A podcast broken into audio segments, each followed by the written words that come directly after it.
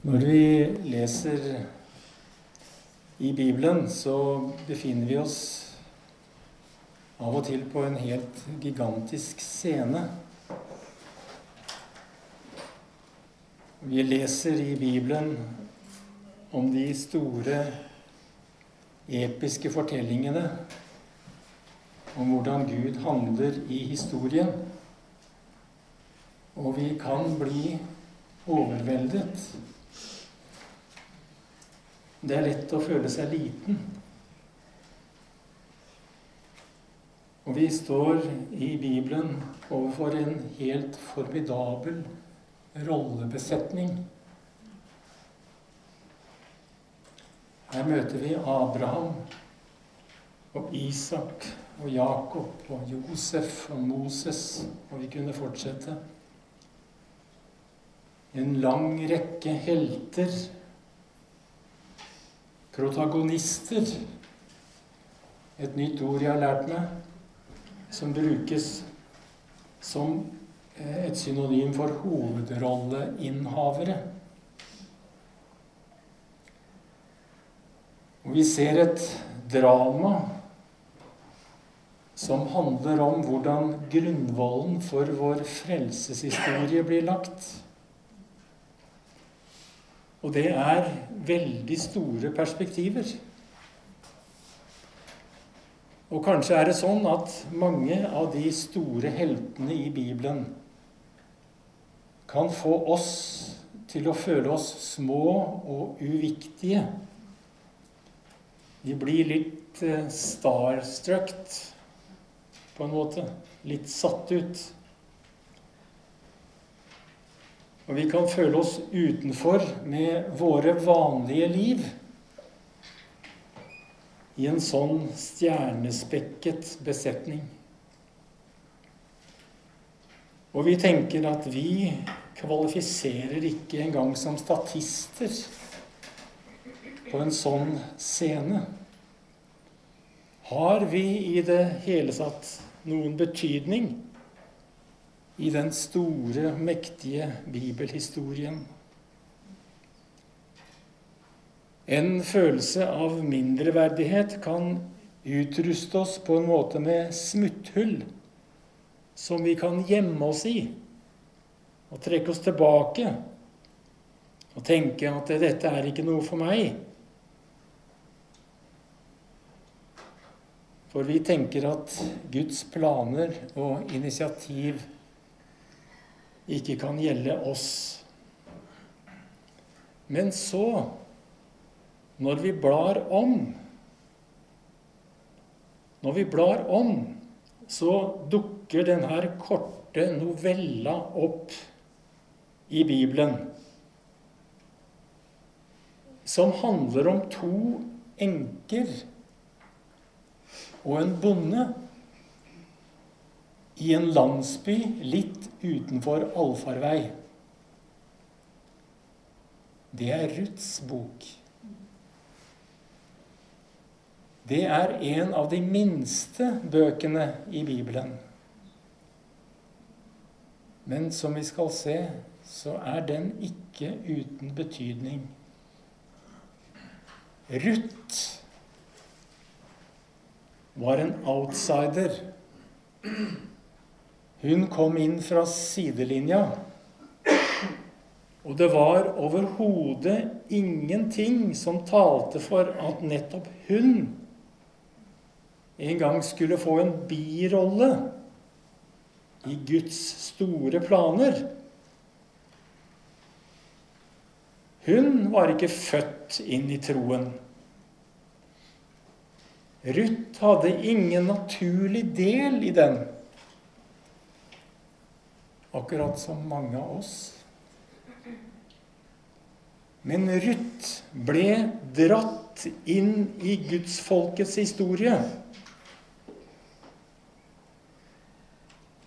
Sånn som noen av oss har blitt òg, vel? Og Ruth ble gitt en liten og blyg rolle i castet, i rollebesetningen. En liten og blyg rolle som skulle vise seg å bli avgjørende for utfallet. Ruths navn ble skrevet inn.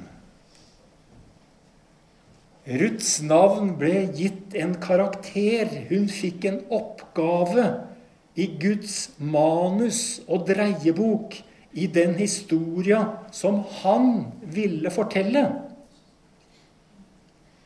Og Gud velger selv sine rolleinnehavere til enhver tid.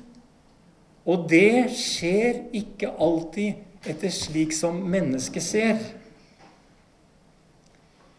Dere kjenner Ruths bok. Det er fire korte kapitler klemt inn mellom dommebøkene og Samuelsbøkene.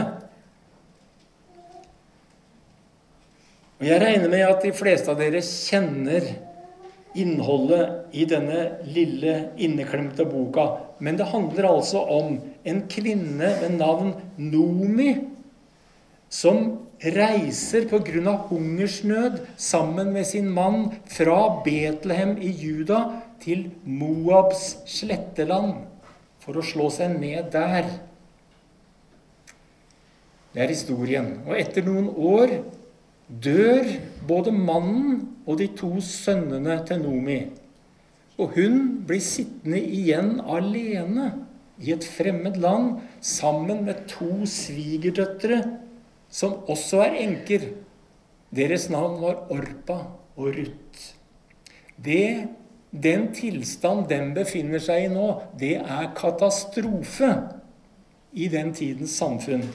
De er ekstremt utsatt, og de er uten forsørgelse. Det er krise. Nomi bestemmer, bestemmer seg da for å bryte opp fra Moabs sletteland og dra tilbake til Betlehem, hvor hun kom fra. Da velsignet hun svigerdøtrene sine og oppfordret dem sterkt til at de skulle bli tilbake og stifte nye familier i landet der de kom fra. Orpa lot seg overtale og gjorde som Nomi sa. Hun foretrakk å vende tilbake til sitt eget folk og deres guder framfor en usikker framtid i et fremmed land. Hun dro hjem med en velsignelse, men der forsvinner hun ut av fortsettelsen. Men Ruth hadde en annen innstilling. For Ruth ville være med videre. Hun hadde en holdning. Hun hadde opplevd noe som gjorde at Ruth ville være med videre. Og det står at Ruth klynget seg til sin svigermor Nomi. Og hun svarte, ikke tving meg til å forlate deg og vende tilbake, for dit du går, vil jeg gå, og hvor du bor, vil jeg bo. Ditt folk er mitt folk, og din Gud er min Gud.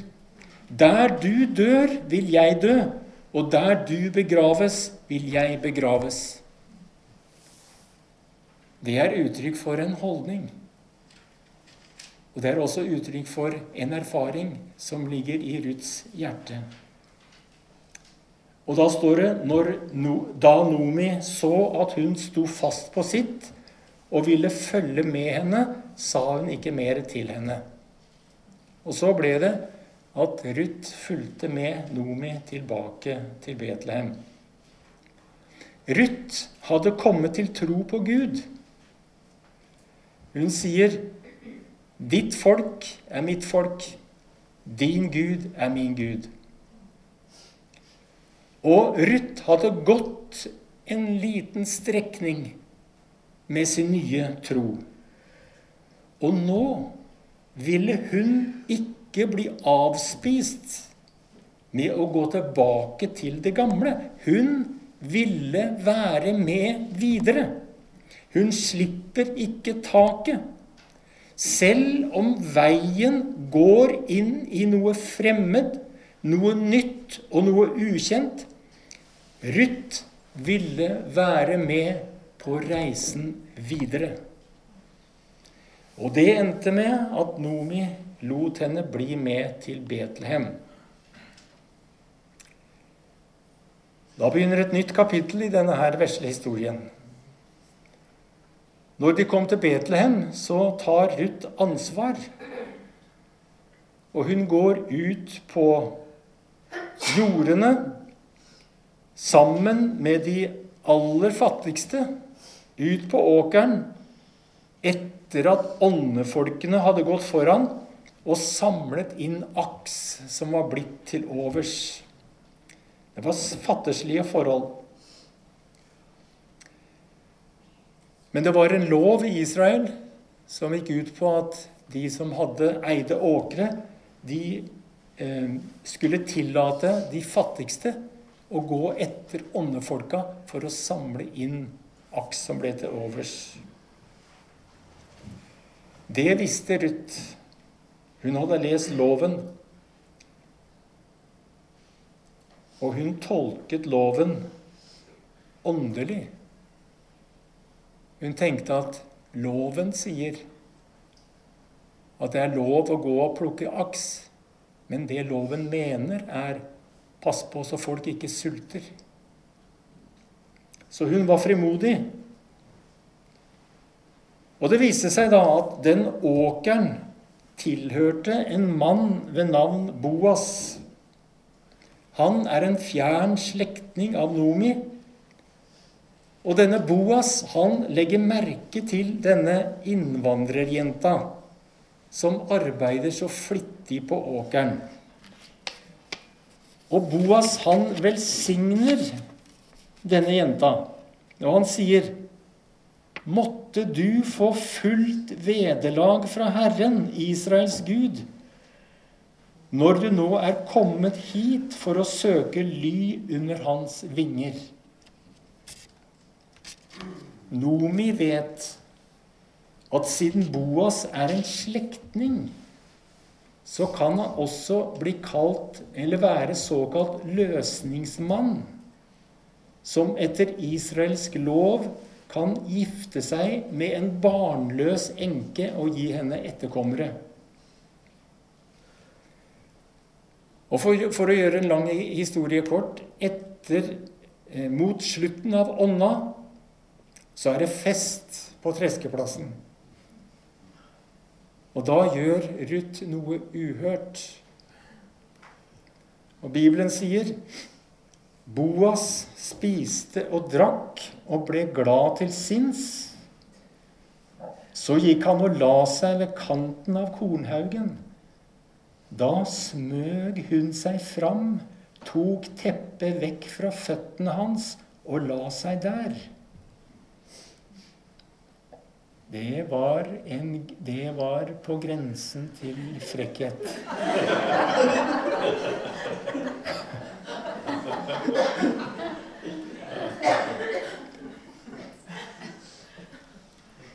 Men, men, men Ruth var ledet av Gud, velsignet av Herren.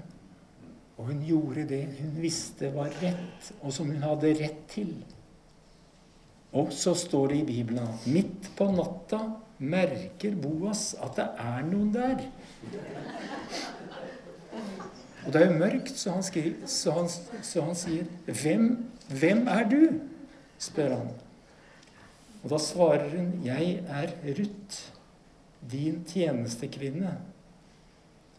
Og så sier hun, 'Bre kappen din over meg'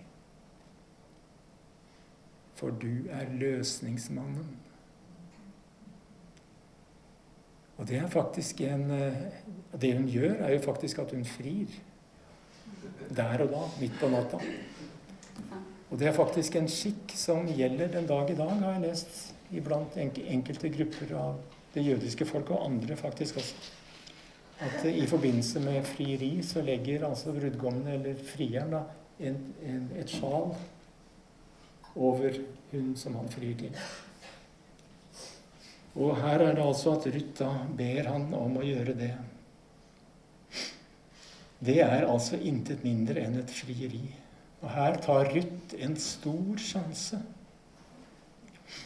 Det hun gjør, det er at hun tar Boas sin egen velsignelse på ordet.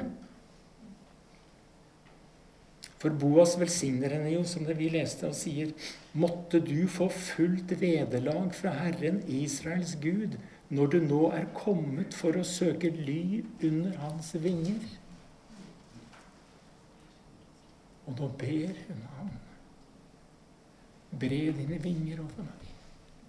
I min fattigdom, i min hjelpeløshet, i min utsatthet, i mitt frebbedskap. Bre dine vinger over meg. Bre kappa di over meg.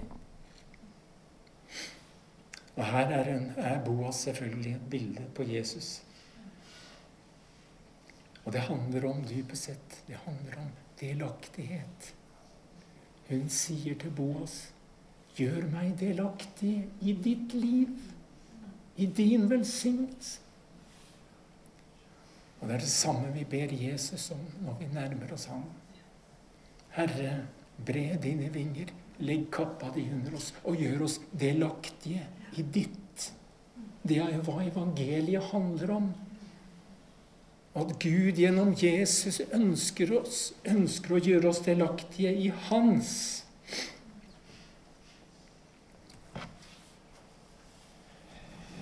Ja, i samråd med Betlehems eldste, da, så tar Boas på seg denne oppgaven å bli løsningsmann, og han gifter seg med Ruth.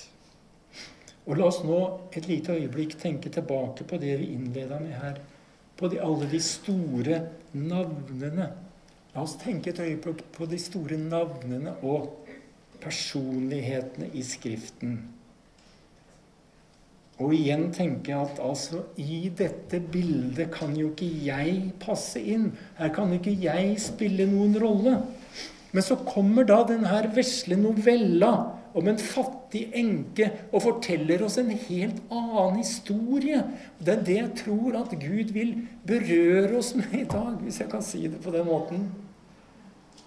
Hun, Ruth, er innvandrerkvinnen som kom til å spille en avgjørende rolle i historien om Guds vei iblant oss.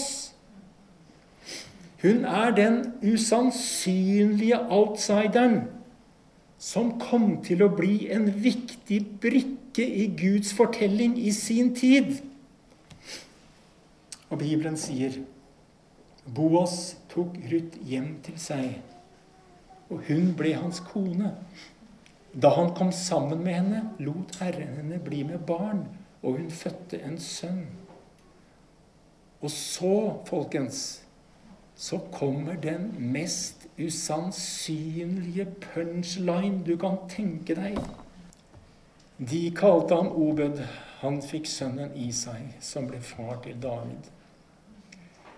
Og her, folkens Her blir outsideren Ruth, oldemora til kong David. Og i det øyeblikket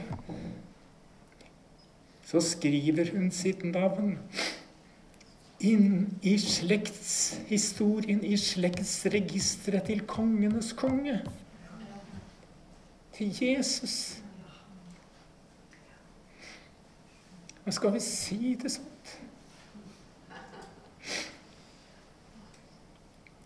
Det er hva Gud kan gjøre med outsiderne.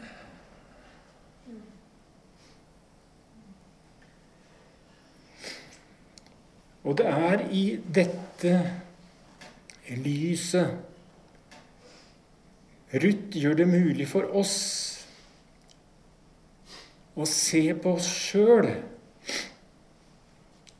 Det fins et turning point i det dramaet da Ruth insisterer på 'Jeg vil være med videre'.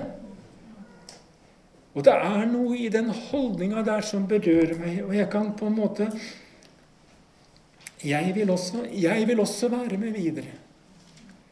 Jeg vil insistere innenfor Gud på å få være med videre. Jeg vet at jeg har gått, gått, en strekning. Jeg har sagt det før. Jeg har gått lenge. Jeg har ikke kommet langt. Men jeg vil være med videre. Jeg vil også ta mitt ansvar, sånn som Ruth. Og jeg vil legge mitt, min pinne på det bålet som Gud la brenne i dag. Og i ydmykhet så vil jeg ta imot den rolle som Han gir meg fra sin egen hånd. Hva det enn er.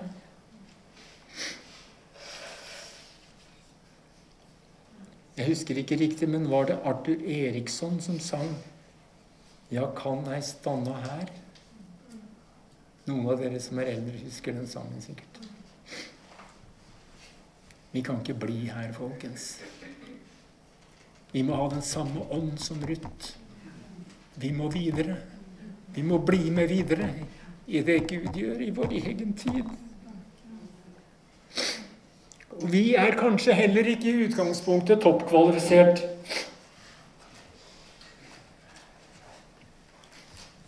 Men nå er det sånn at ved Guds nåde så er vi kvalifisert allikevel. For i Guds rike så er det nåden som gjelder. Og det som er problemet for oss, at vi trenger så lang tid for at våre øyne skal venne seg til å se nåden. Det er ikke nok for, at, for oss at vi blir minna på det en gang nå og dag. Nå og da. Vi trenger tid for at våre øyne skal venne seg til å se Guds nåde. Og i det perspektivet kan vi også se vår egen ydmyke lille rolle, som også har en betydning for den tida som vi lever i.